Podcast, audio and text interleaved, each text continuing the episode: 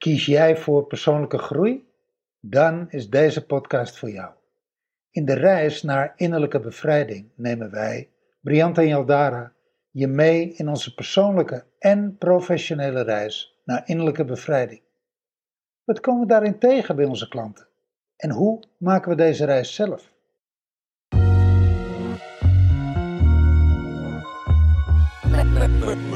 Tell me what's your motive?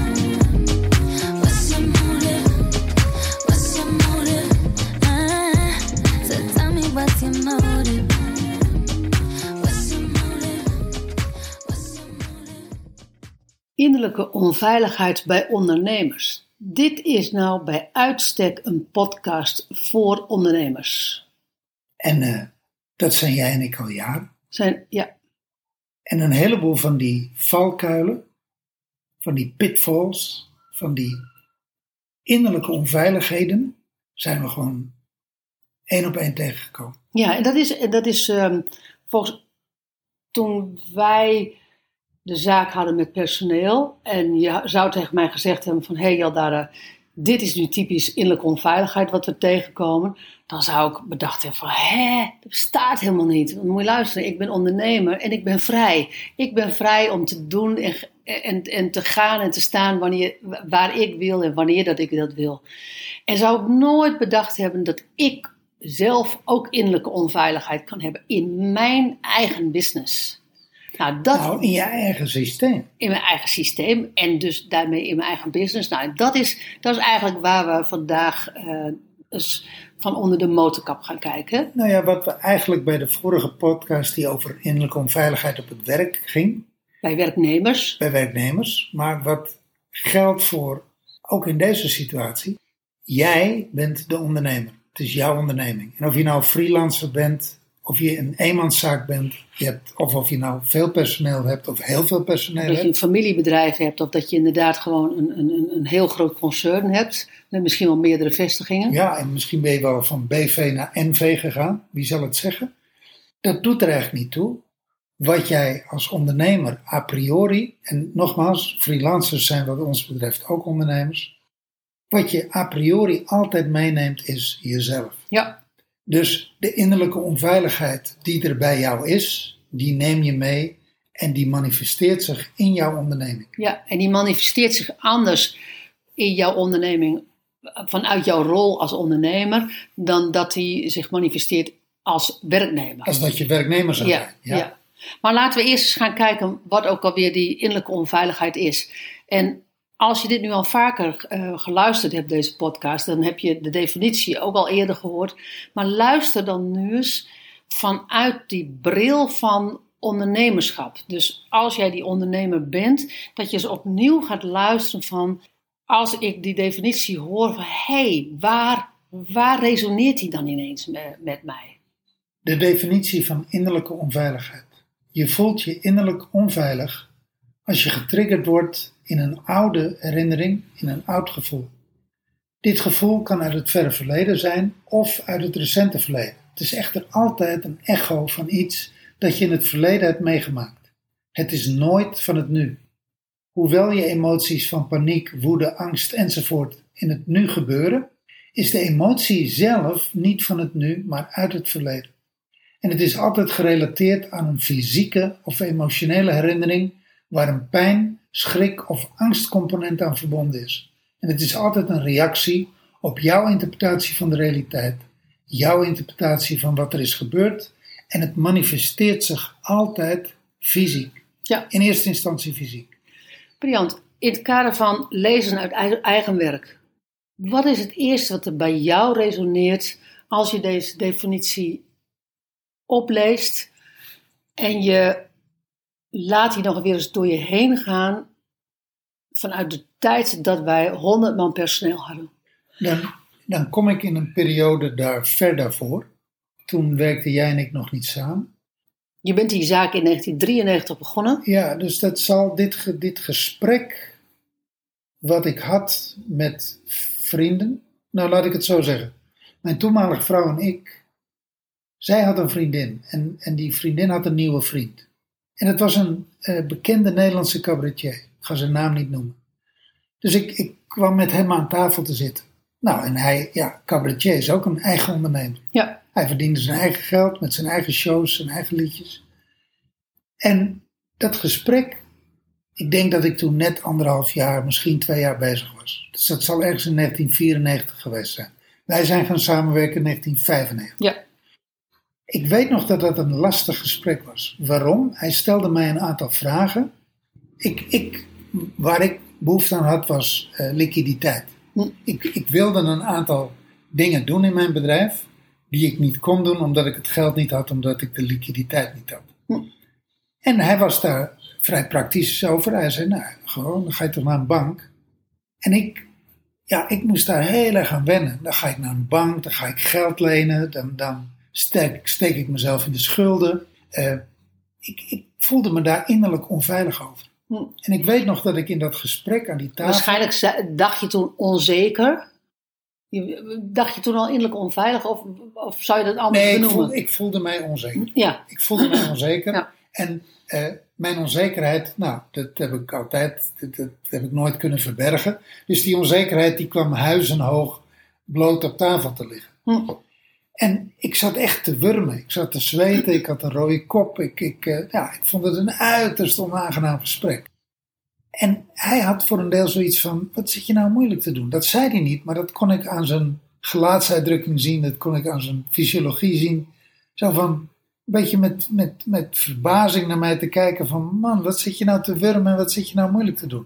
Je hebt een onderneming, je hebt plannen, je wil groter groeien, je hebt geld nodig. Ga dat geld dan halen. ja. Regel het. Waar haal je het anders dan bij de bank? Ja, regel het. En, en ik, ja, ik vond dat eng. En dat is grappig, aan het eind van de avond zei ik tegen hem van, eh, nou, ik vond het leuk om je te ontmoeten. En toen zei hij de klassieke woorden, hij zei, ja, ik vond het ook wel aardig voor één keer. Oeh, ja echt? Ja. En eh, Wow. nou, daarmee begreep ik van, ja, oké, weet je, we zitten niet op één lijn. Ja, Dat gewurm van mij, dat, hè, dat vond jij niet inspirerend. En ja het is niet erg aantrekkelijk om te zien. je vond, je vond dus, mij dus geen sexy man en eh, je hebt geen zin, geen trek in een connectie met mij. Anders dan dat jij de man bent van de vriendin van mijn vriendin. Nou, Ja. dat, dat boeien. En eh, daarna heb ik hem ook nooit meer ontmoet, heb ik hem ja, nooit meer gezien. ja. Maar wat me, nou, en, en, en ik geef hem groot gelijk. Ik, ik snap waar, waar die man vandaan kwam. Maar ik herinner me die enorme innerlijke, nu zou ik dat bestempelen als innerlijke onveiligheid, als het ging over eh, het genereren van geld. Ja, ja, ja. Weet je, aan de ene kant dacht ik heel groot, van, van ja, Je ik droomde heel groot. droomde heel groot, ik had grote plannen. Want ik, ik ging een miljoenenbedrijf eh, ervan maken. Dat is ook gelukt. Ja, Echter, in mij, die innerlijke onveiligheid, die hield mij heel klein als het ging over geld ja.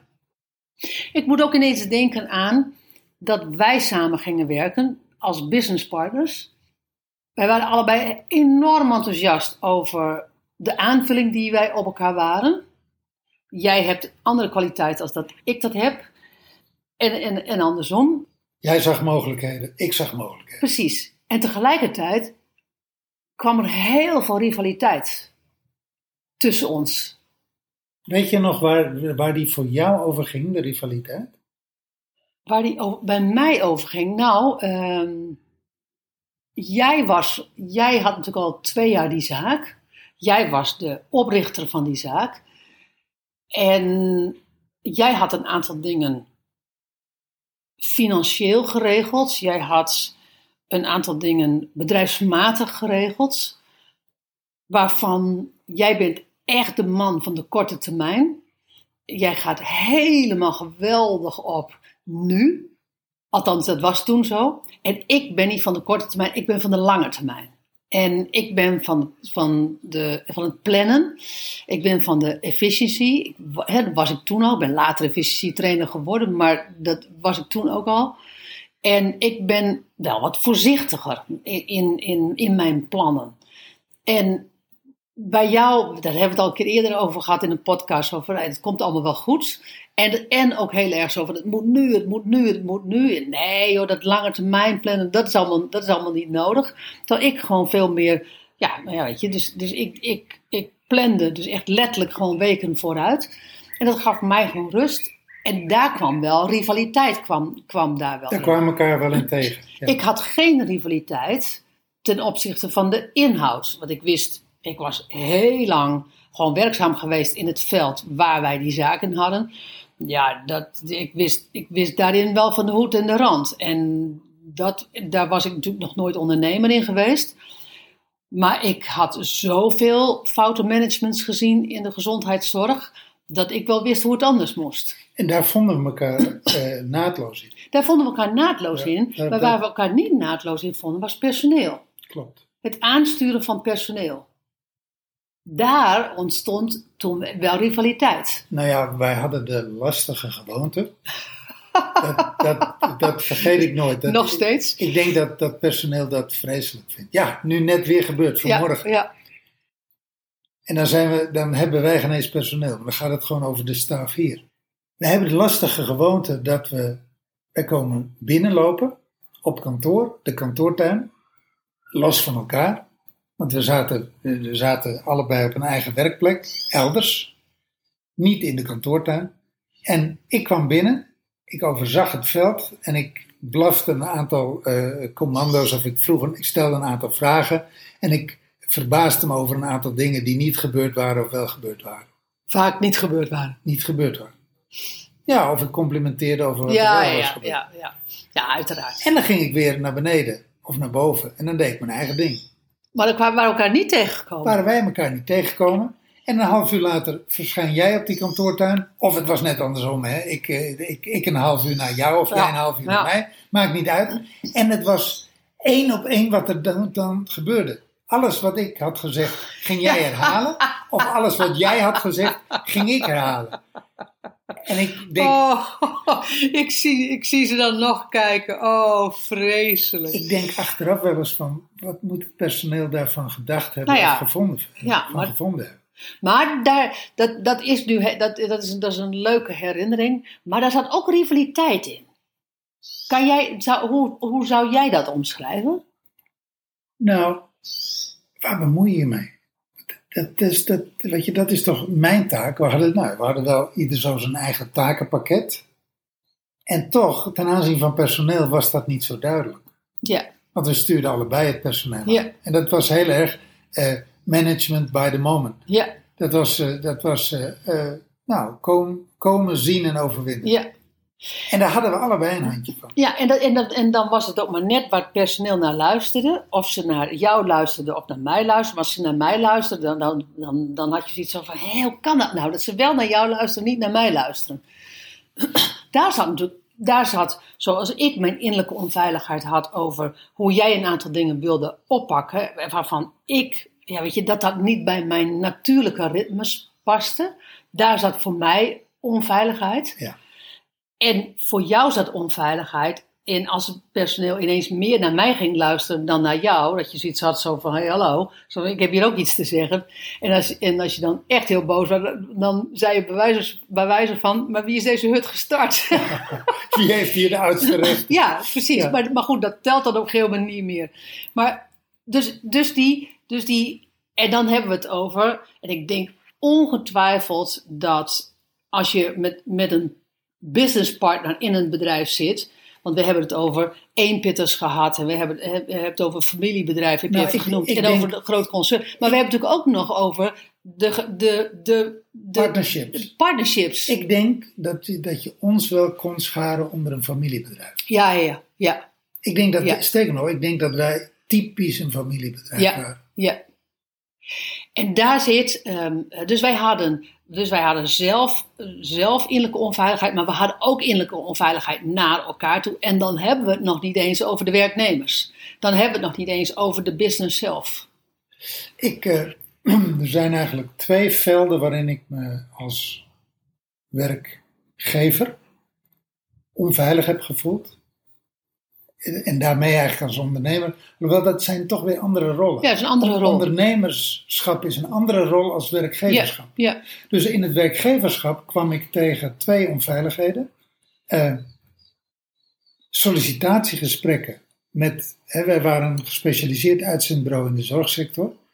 sollicitatiegesprekken met potentiële groepsleiders, dus mensen in het werkveld, Die wij uitzetten bij klanten van ons. moeiteloos. Moeiteloos. Wij werkten nationaal. Ja, Weet je, dat kon ik met mijn ogen dicht. Ja. Daarin zaten wij altijd op één lijn. Ja. Konden we als de beste. En daar, daarin brachten we, kozen we personeel en brachten we ook personeel in het werkveld.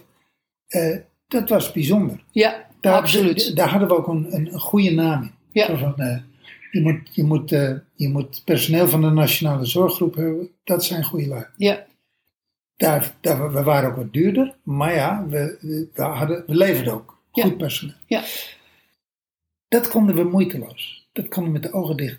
Personeel voor ons eigen bedrijf. Dus kantoorpersoneel. Managers, directeuren, eh, eh, planners, secretaresses. Verkopers, sales. Al dat soort lui.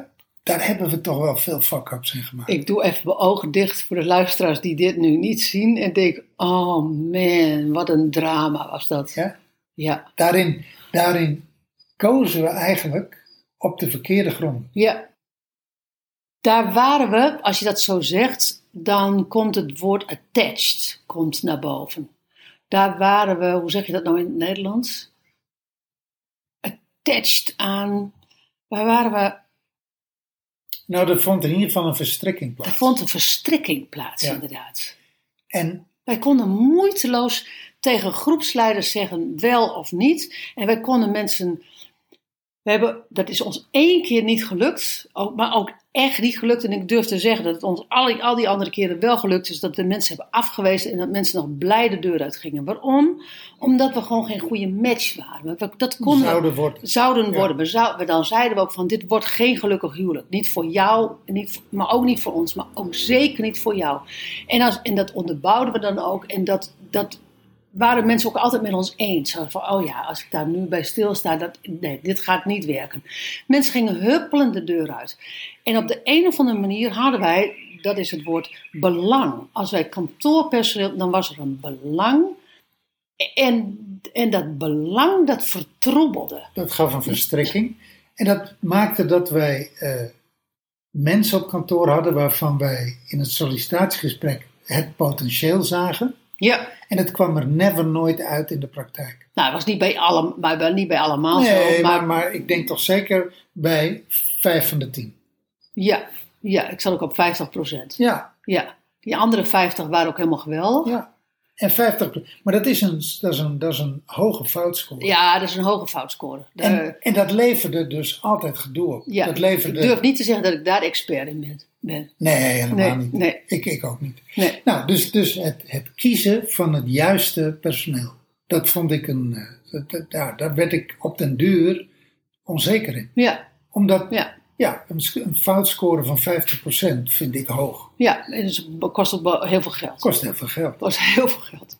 Dus Ja. uiteindelijk kregen mensen maar een half jaar contract. Ja, Zie, je kwam binnen met een half jaar contract. En dan, eh, dan hadden we een half jaar om te kijken of het iets, werd of niet. ja, En eh, ja, weet je, want als, als, als binnen, eh, vaak daar kwamen we achter. Je had een, eh, wat was die proefperiode van een maand, hè? twee maanden volgens mij nog, toen in die tijd. Nee, één maand. Oké. En dat kwam er nooit naar voren. Oh ja, dat, dat, dat klopt wat jij zegt. in een ja. maand tijd Ja. komt er nooit naar Ja. voren. dat, dat, dat in de tweede, de derde, de vierde maand, dan, komen, dan begint het pas te rammelen. Ja. Als het niet goed zit. En dat half jaar, dat hadden we gedaan van, nou weet je, dan konden we na twee of drie maanden zeggen, weet je, laten we ermee ophouden. En dan kostte ons dat nog maar drie maanden. En dan had jij drie maanden de tijd om door te zoeken, iets nieuws te zoeken. En na dat half jaar, als het goed was gegaan, dan kwamen de jaarcontracten. Ja. Maar dat was één on- onveiligheid. Je zegt, ik heb er twee. Een andere onveiligheid is eh, geld. Als, als ondernemer, maar ook als werkgever. Ik vond geld verdienen, geld uitgeven, geld reserveren, zorgen dat er altijd voldoende geld was, zorgen dat er altijd voldoende geld binnenkwam. Eh, nou, we hadden veel personeel. Ja, En 100 dat- man is, is eh, zijn, dat zijn best veel eh, monden die je moet voeden. Ja, en dat veel. zijn veel gezinnen die Ja. er achteraan, achter, achter hangen. Veel pensioengelden die je moet. En dat, is, en dat is veel geld per maand. Ieder, Ja. Wat je iedere maand op moet hoesten. Ik, ik herinner me, er was een tijd, toen, toen ging het echt veel eh, minder. Toen had ik moeite om de... Toen hadden we veel bankzitters, toen ging het überhaupt in, het- in het uitzendwezen ook slecht. Ja, er veranderden wat dingen. En opeens had je te maken met bankzitters. Mensen die je wel door moest betalen, maar die, eh, die je gewoon niet aan het werk kon Ja, houden. toen, toen, was, toen kwam de flexwet kwam, er, Ja. kwam erin en toen waren mensen ineens op, op de loonlijst, wat ze daarvoor niet waren. En, eh, en dat in combinatie met bankzitten, dan kom je wel echt in een heel andere dynamiek. En ik herinner me dat ik eh, op een gegeven moment de pensioengelden. Ik kreeg het pensioen, eh, dat moest iedere maand zoveel naar het pensioenfonds. Wij zaten toen met Nationale Nederlanden. En ik kreeg dat financieel niet rond. Ik kon de salarissen betalen, ik kon de rekeningen betalen. En ik kreeg het pensioengeld niet gestort. Daar kwam ik gewoon 10.000 of 20.000 euro tekort. Nachtmerries. Daar, toen kwamen er scheurtjes. Toen kwamen er scheurtjes. En, en dan, worden, dan wordt geld dus echt een zorg. Wordt Ja. echt geld echt een dingetje. En eh, ja, dat heb ik vreselijk gevonden. Als je het hebt over innerlijke onveiligheid. Ja. Als je het hebt over innerlijke onveiligheid. Ja. Nou, uiteindelijk zijn we die zaak kwijtgeraakt. ja. Maar eh, als ik kijk in zijn algemeenheid, ook nu. In, in, eh, we zijn nu digitale nomaden, we zijn locatie-onafhankelijke ondernemers. We wonen op Bali. Dat doen we al zes jaar. Niet dat we zes jaar op Bali wonen, maar we reizen dan zes jaar. Ja, we zijn zes jaar doen we, zijn we weg uit Nederland. Ja. En zijn we dus 100% online ondernemers. ja. Dus afhankelijk van internet, afhankelijk van wifi, eh, afhankelijk van marketing, social media marketing. De onveilige factor, ook vandaag nog, is geld. Komt er voldoende geld binnen? Kan ik voldoende geld genereren? Ben ik in staat om mijn huur te betalen, mijn eten te betalen, mijn visa te betalen, mijn reizen te betalen? Ben ik in staat om te leven in het buitenland? Mhm.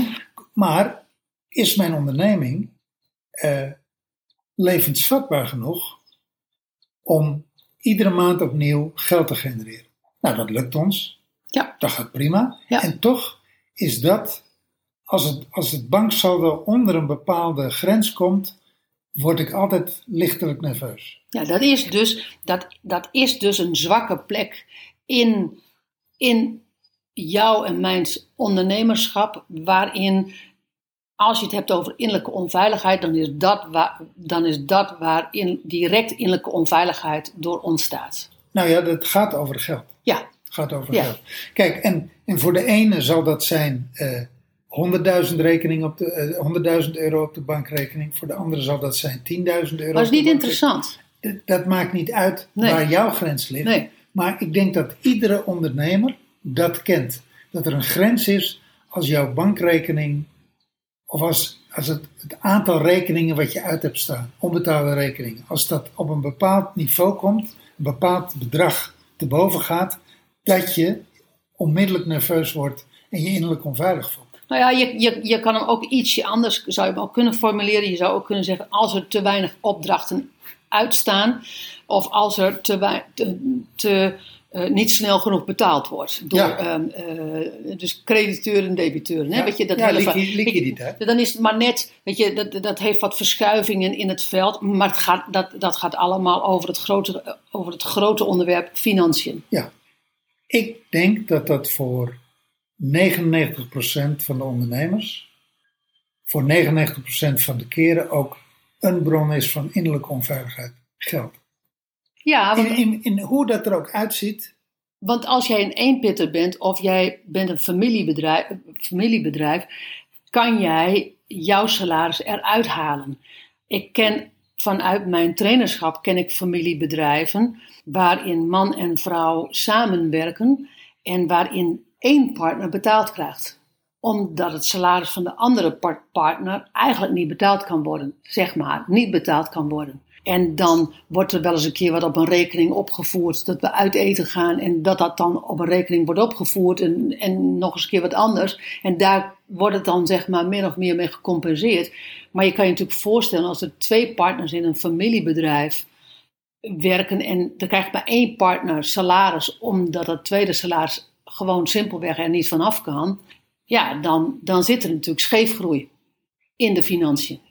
als je het hebt over levensvatbaarheid. Ja. Je zou dat als werknemer van een, bij een andere werkgever, zou je niet pikken dat die werkgever zou zeggen van, goh schatje, sorry, ik heb, ik heb voor iedereen geld, behalve voor jou. Zou, zou je zeggen van, nou weet je, ik ga weg. Nou, ik denk, sterker nog, ik denk dat er, en dan, dan schaar ik de grote groep freelancers er even bij. Ik denk dat er een hele grote groep ondernemers is die eh, leeft beneden de bestaansminimum. Ja, dat denk beneden, ik ook. beneden uitkeringsniveau. Ja, de, de, de armoede onder, eh, onder ondernemers. En natuurlijk, wat straks een heel groot probleem gaat worden, zijn de pensioenen. De pensioenen die niet, ehm, eh, waar niet voor gezorgd kan worden op dit moment, omdat er gewoon niet genoeg geld verdiend wordt. Maar daar heb je natuurlijk, en dat is natuurlijk een uitgestelde rekening, pas na veel later. Waarin er een enorme pensioengat komt en waar, waar er gewoon een enorm groot maatschappelijk probleem gewoon, gewoon komt. Ja, want het is, dat is een grote groep. Ja, dat is Kijk, een grote groep. Er is natuurlijk er is heel veel werkloosheid.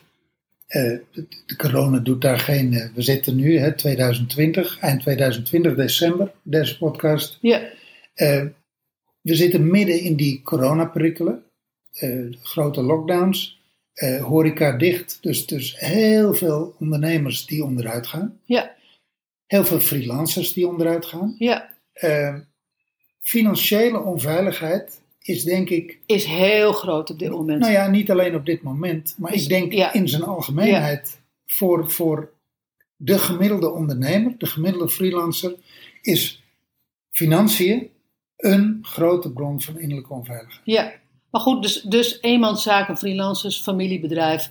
Ehm, en dan is het maar net wat voor soort groot bedrijf je op dit moment hebt. Want de ene tak van sport doet het heel goed en de andere tak van sport valt ineens om. Ja. Omdat hij gewoon deze coronatijd niet eh, eh, overleeft. Even terug, Briant. Hoe, hoe creatief ben je? Hoe wendbaar ben je? Ja, Hoe snel kun je je aanpassen? Hoe snel kun je je concept veranderen? Daar komt natuurlijk ook innerlijke veilig- veiligheid, CQ, innerlijke onveiligheid bij kijken. Hè? Hoe flexibel, flexibiliteit he- heeft altijd een relatie met veiligheid. Innerlijke veiligheid, creativiteit, Precies. wendbaarheid. Ja, Gaat heel erg over eh, lef, durf. En het gekke is, kansen zien. voor lef en durf hoef je je niet altijd innerlijk veilig te voelen. Je kan ook gedreven worden door innerlijke onveiligheid. Ja, ja dat is waar. Dat is, daar heb je wel Dat, dat gelijk is de paradox Dat is- van. heb je wel dat is de in. paradox. Waar het aan de ene kant verlangt, kan het juist ook een enorme Ja. motivator Ja. en een enorme aanjager Ja. zijn. Maar ik wil heel even nog even helemaal terug naar het begin. Hè? Ja, Je onderneming is je baby. voor veel mensen geldt dat. Ja, je love baby. Je love baby. Daar doe je eigenlijk alles voor. Dat, dat Ja, je is, zet er alles voor opzij. je zet er alles voor opzij. Je Dag en doet er, nacht, weekenden. eh, werk-privé-balans ben je bereid om op, te, om op te offeren voor je love baby. Wat je voor geen één werknemer zou doen, doe je wel voor jezelf Precies. als werkgever of als ondernemer. Als, on- eh, als ondernemer. Maar wat je soms thuis niet doet, de, de afwezige ouder zijn, ben je in je onderneming, ben je absoluut niet de afwezige, eh, de afwezige ondernemer. Wat je, wel, wat je wel kan zijn in, in, in, eh, in, in het ouderschap. Op het moment dat je een onderneming bent gestart. Precies. Ja. Dus dat is een, dat is in itself is dat al een hele rare, weet je, je onderneming is je baby. Dat, dat is heel gunstig. Daarvan kan je zeggen, van, nou weet je, dan ga je er ook echt voor, hè, zo'n drive.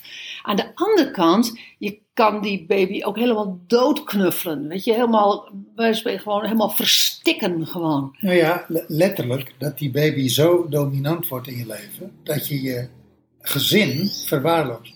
Of dat je niet meer helder kan kijken, is mijn onderneming nog wel levensvatbaar? Is niet alleen qua financiën, maar ook qua, nou, qua cultuur. Want, want als je personeel hebt en je, en je hebt een verstikkende onderneming, dan gaat op een gegeven moment eh, gaan, gaat personeel ook verstikt worden. En, en, en gaan ze zich beklemd voelen en gaan ze zich eh, ingeperkt voelen. Waardoor je niet het, de, de, het, het, het volle uit dat personeel kan halen. En waardoor je niet door kan groeien met je, met, met je Nou onderneming. ja, weet je, als jij, eh, als jij een enorme controlfreak bent je kan niet delegeren en je bent alleen maar aan het micromanagen En je zit er allemaal bovenop en, en controleert alles. En je hebt alles in structuurtjes. En er kan niks fout gaan, maar er kunnen ook dus geen fouten gemaakt worden. Dat mag helemaal niet. Dat kun jij niet handelen. Laat staan dat het personeel dat mag doen. Ja, dat is natuurlijk een, een hele dichte, verstikkende cultuur. Waar inderdaad groei, nou vergeet het maar. Er, er is helemaal geen ruimte om te groeien. Ja. Als je het hebt over innerlijke onveiligheid. Ja, het is allemaal inner unsafety driven. Ja, ja, klopt. Dan zijn er, dan denk ik, want je hebt het over delegeren versus controleren, micromanagen. Ik denk dat het nog wel goed is om een aantal gebieden te noemen waarvan je standaard kan zeggen dat zijn onveilige gebieden buiten de financiën, wat we al- waar we het al over hebben gehad, buiten het delegeren, het loslaten. Eh, Nou, hoeveel, hoeveel onveiligheid kom je bij jezelf tegen als je aan je water voelt dat je zou moeten loslaten, maar dat je het gewoon niet durft of gewoon niet kunt? En aan de andere kant, Omdat je niet weet hoe het moet. precies, en aan de andere kant, als je het aan je water voelt, dat je moet vastpakken. Wat je niet kunt en wat je niet durft. Dus je hebt Ja. loslaten, maar je hebt ook expliciet vastpakken. Ja, ja, dat zijn twee hele expliciete ondernemingsbewegingen. En, en, en die, dat vastpakken wil nog wel eens heel spannend zijn. Want, want als jij. Want het, va- Vastpakken, doorpakken. want het vastpakken, het doorpakken, kan, kan in gebieden zijn waarvan je zegt: van, oh, maar daar heb ik geen zin in. Wij hebben ook al een tijd gehad in, in, in, het, in, dat bedrijf, in het uitzendbureau waarvan we zeiden: dan hebben we een manager nodig. Als we dat en dat en dat moeten gaan vastpakken, dan doen we een manager. Hebben we ook ingehuurd. M- En waarvan we- Vervolgens moet je de manager aansturen. moet je de, vervolgens de manager moet je gaan managen. Wij dachten dat de manager het ging oplossen, maar het was gewoon, eh, eigenlijk hadden wij het moeten oplossen en we Precies. hadden er geen zin in. Nee, precies. Dus, dus, en dat, dat soort vastpakken, dat soort doorpakken, dat is ook nog een hele spannende. Personele zaken, ik ik kon toch regelmatig, of ik kwam als trainer regelmatig ondernemers tegen die zeiden van, Jaldara, het kan niet zo zijn dat dit een sociale werkplaats is. Met, met andere woorden, dat personeel veel te veel met thuis bezig is. Dat ze al hun thuiszores in de business brengen. Omdat ze gescheiden zijn. Omdat ze het lastig thuis hebben. Omdat ze ruzie thuis hebben. Omdat ehm, zieke kinderen thuis hebben. Of omdat wat wij zelf ook wel eens hebben meegemaakt. Dat de crash dan belde en ehm, dat, dat ze naar de moeder belde. En dat de moeder in ehm, een van onze favoriete medewerkers het gewoon zo neerlegde. En zei van, ik ga, ehm, ik ga nu naar de crash. En dat wij zeiden van, maar lieverd, jouw kind heeft toch ook een vader? En dat zij zei van, ja maar van mijn man eten wij. Ja, vader, vader was ondernemer. Vader was ondernemer en, en, en daar eten we van. En wij zeiden van, hè, wacht even. Je werkt toch ook bij ons? Ik bedoel, wie moet het dan doorbetalen? Ja, dat maakt me allemaal niet uit. Eén ding, je moet dat gewoon doorbetalen. Maar ik moet nu naar mijn kind. Doei!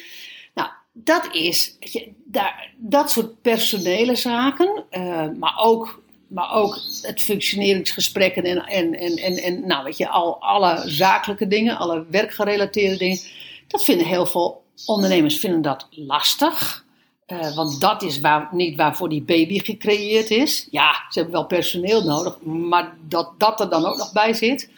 Dan heb je marketing. Marketing, salesstuk. Ben je daar goed in? Vind je dat leuk om te doen? Wij waren natuurlijk gewend om traditioneel te marketen. Dat konden wij erg goed in dat, in dat uitzendbureau. Online marketing, wat we nu doen, is een heel ander, is een heel ander verhaal. Totaal ander verhaal. Ja, wij hebben echt moeten leren. En nu we aan het podcasten zijn, sinds een paar weken, hebben we zoiets van... Want dit is ook marketing. Ik bedoel, Ja. we, we lullen wat af. Ja. En, en, en we zitten tegenover elkaar en we hebben een goed gesprek. Maar het, het ultiem is het marketing. Ja, het is marketing. Eh, dan heb je sales, maar je hebt ook planning, structuur. Hou je van plannen? Hou je niet van plannen? Hou je van structuur? Geeft, moet jij structuur aanbrengen of eh, ehm, brengt het personeel structuur bij jou aan? Weet je welke ook eh, eh, voor heel veel ondernemers, freelancers en ondernemers geldt? Eh, durf je en kun je hulp vragen? Ja, ja, Durf je hulp te vragen? Kun je hulp vragen? En kun je de hulp ook accepteren?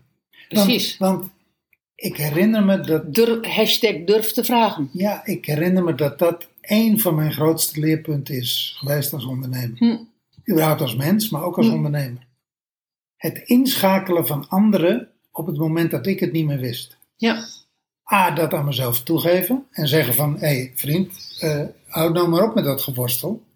Want weet je, omdat je als ondernemer zo heel direct verantwoordelijk bent voor je succes en voor je falen, ja, hou je het dus ook dicht bij jezelf. ja, Of althans ben je geneigd om het dicht bij je borst te houden. ja, En dat betekent dat de worsteling die je daarin doormaakt, emotioneel, fysiek, eh, mentaal, die hou je dus ook heel vaak voor jezelf.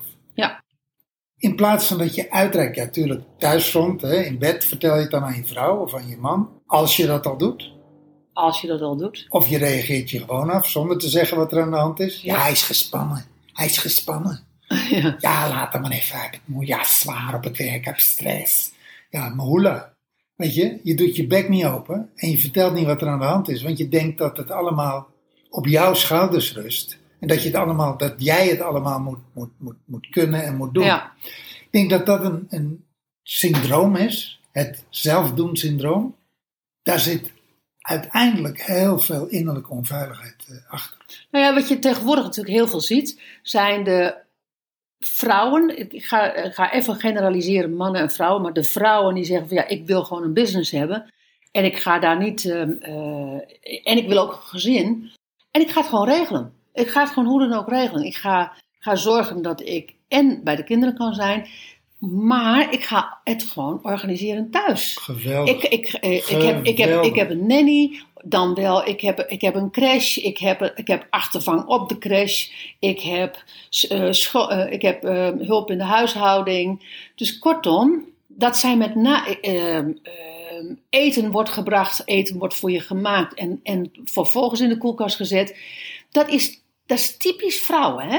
Dat doen mannen niet. Geweldig. Mannen zullen niet zo snel dat gaan plannen. Nee, mannen worstelen. Ma- ma- Mannen, mannen worstelen. En die, hebben dan, die, die, die zijn eerder geneigd om dat gewoon bij het thuisfront te laten. Terwijl vrouwen zeggen van oké, weet je, ik wil dus en een zaak en ik wil privé.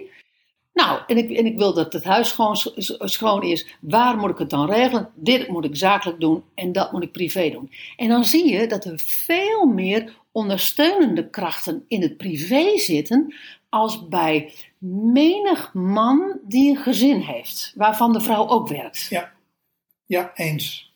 Ja, mooi. Dus dat is, dat is een wel mooie, is een mooie trend. een prachtige trend. Ja. Hulp vragen en hulp aannemen. Ook, wat, ook in, eh, wat ook een belangrijke in dit stuk is, durf, durf je vrij te nemen. Waardoor je weer kan opladen. Waardoor je niet alleen kan opladen, waardoor je jezelf ook weer inspireert.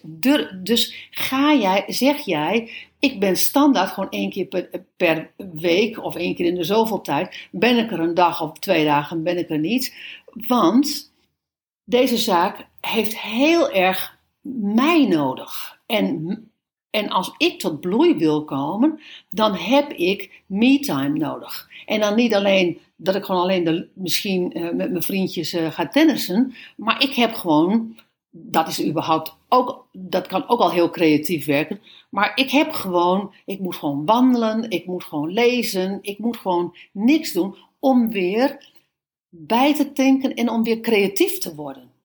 Dat is wel, denk ik, een van de killers geweest ook wat wij gedaan hebben. Wij hadden een 24-7 bedrijf en wij waren altijd, nou ja, we, waren, hè, we, kregen een relatie, dan wel, s'nachts ging aan jouw kant ging de telefoon af, dan wel de volgende dag ging die bij mij. En eh, eh, aan mijn kant van, eh, van het bed ging de telefoon af. In allebei de gevallen word je wakker. En je bent in allebei de gevallen, zeg je na die tijd, wat was er? Ja, Toch? ja. Dus wij namen. Wie was dat? Wie was dat? Eh, En als je dan niet uitkijkt hè, en daar zit een verhaal achter, dan ga je het ook nog over dat verhaal hebben. En dan komen er allerlei emoties op.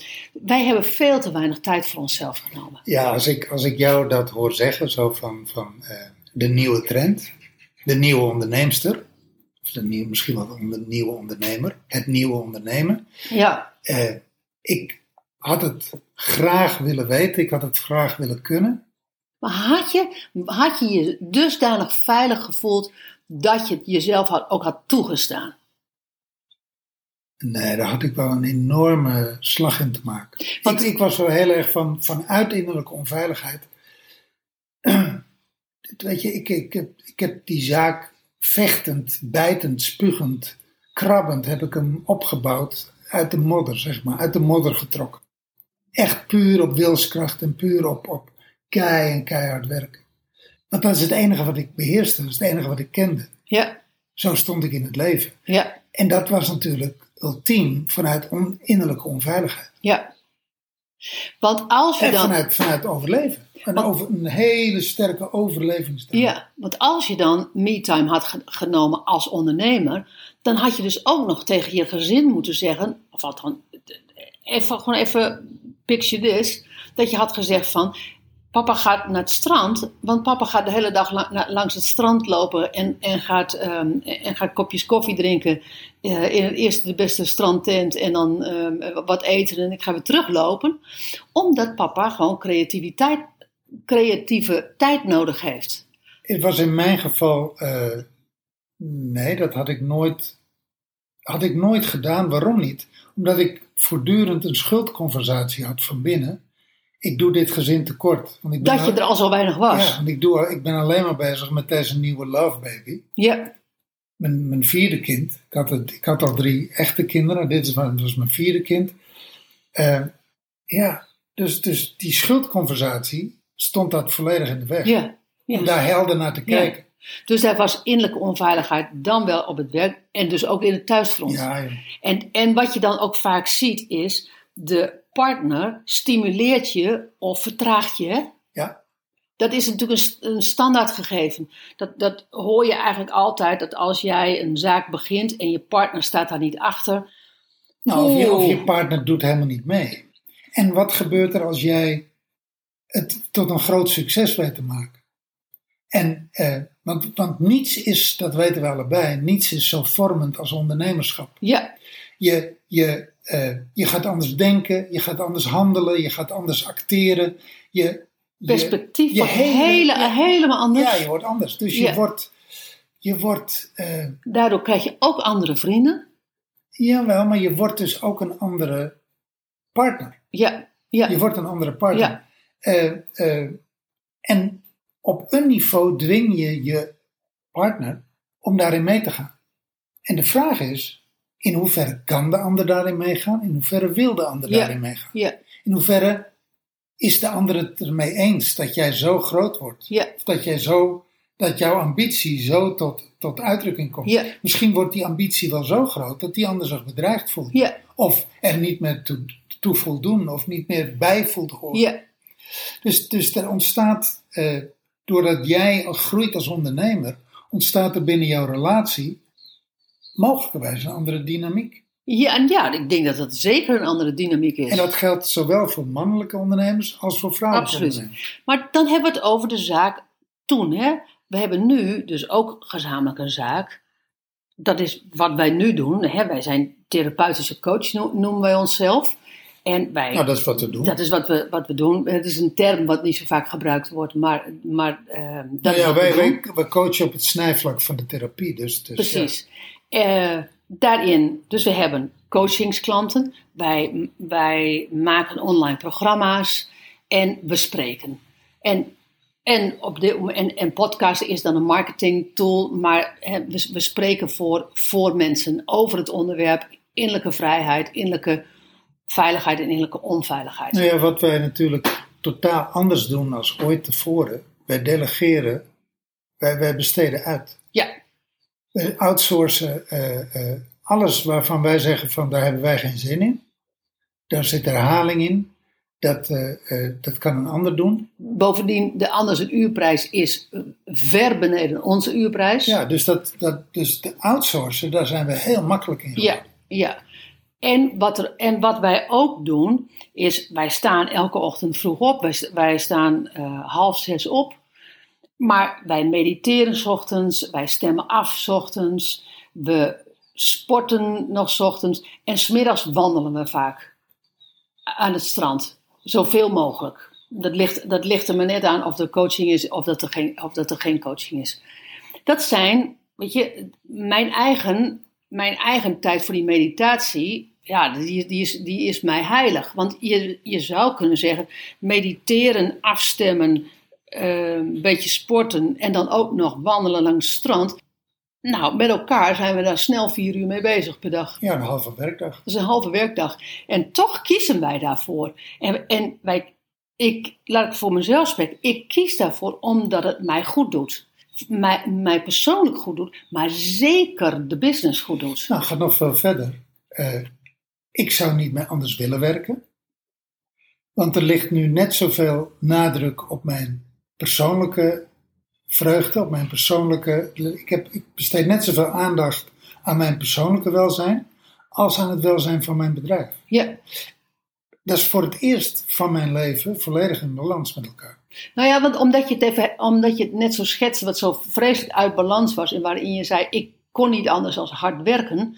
En nu zeggen we van, nou weet je, die, de, de uren die er over zijn, niet de uren die over zijn in een dag, maar die, we, die wij aan het bedrijf besteden, die zijn veel productiever geworden.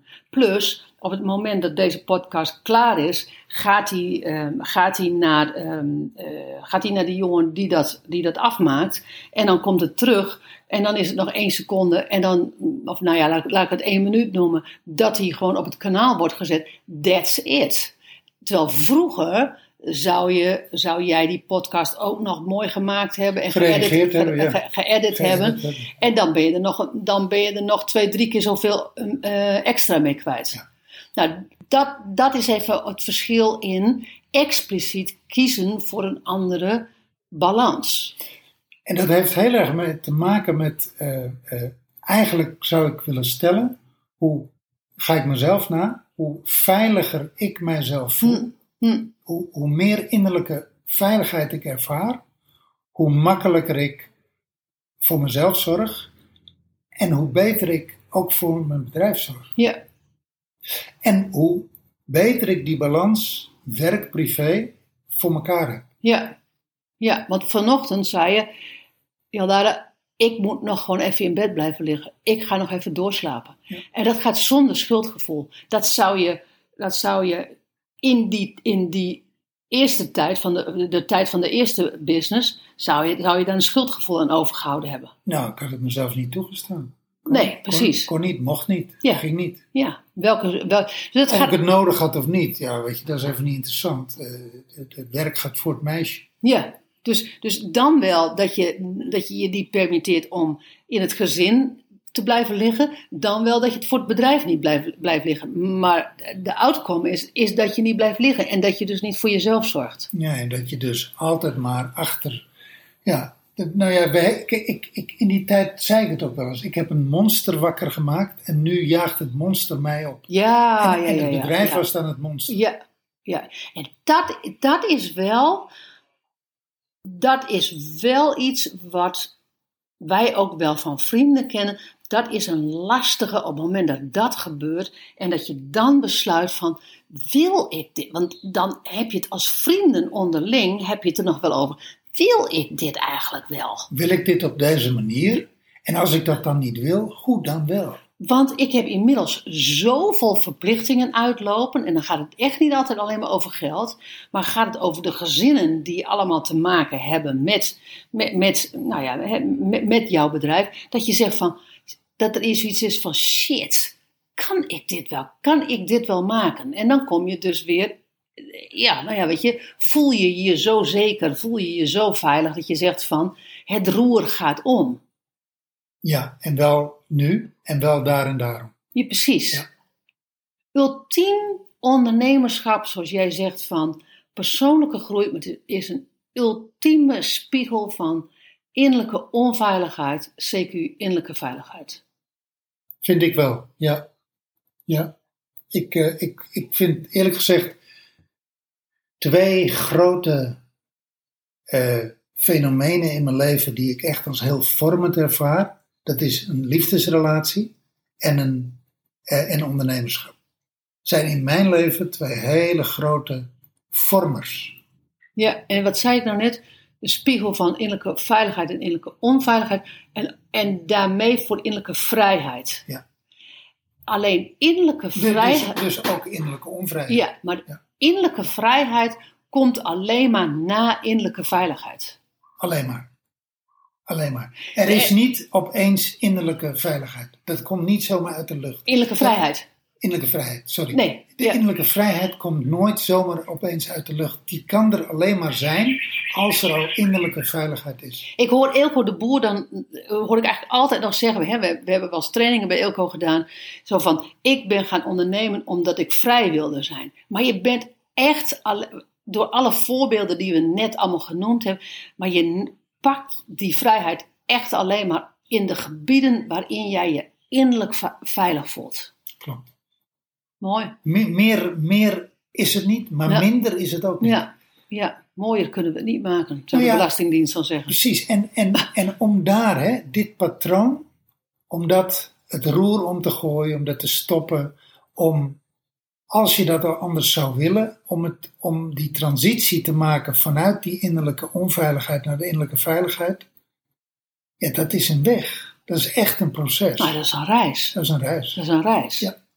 Ja, dat, en dat gaat echt over de innerlijke reis. Dus dat gaat niet over de business coaching op de business, maar het gaat over de innerlijke reis. Van innerlijke onveiligheid naar innerlijke veiligheid naar innerlijke vrijheid. Ja, precies. En daarmee ook naar uiterlijke vrijheid. Ja, ja, absoluut. Dankjewel voor het luisteren. Wil jij jezelf ook graag innerlijk bevrijden? Boek dan een gratis gesprek met ons via briantenjaldara.nl of ontmoet ons op social media op Briant en Jaldara. We zien je daar graag. En verder vinden we het fijn als jij dit een waardevolle podcast vindt, dat je een review achterlaat, zodat we meer mensen kunnen helpen bij hun reis naar innerlijke bevrijding.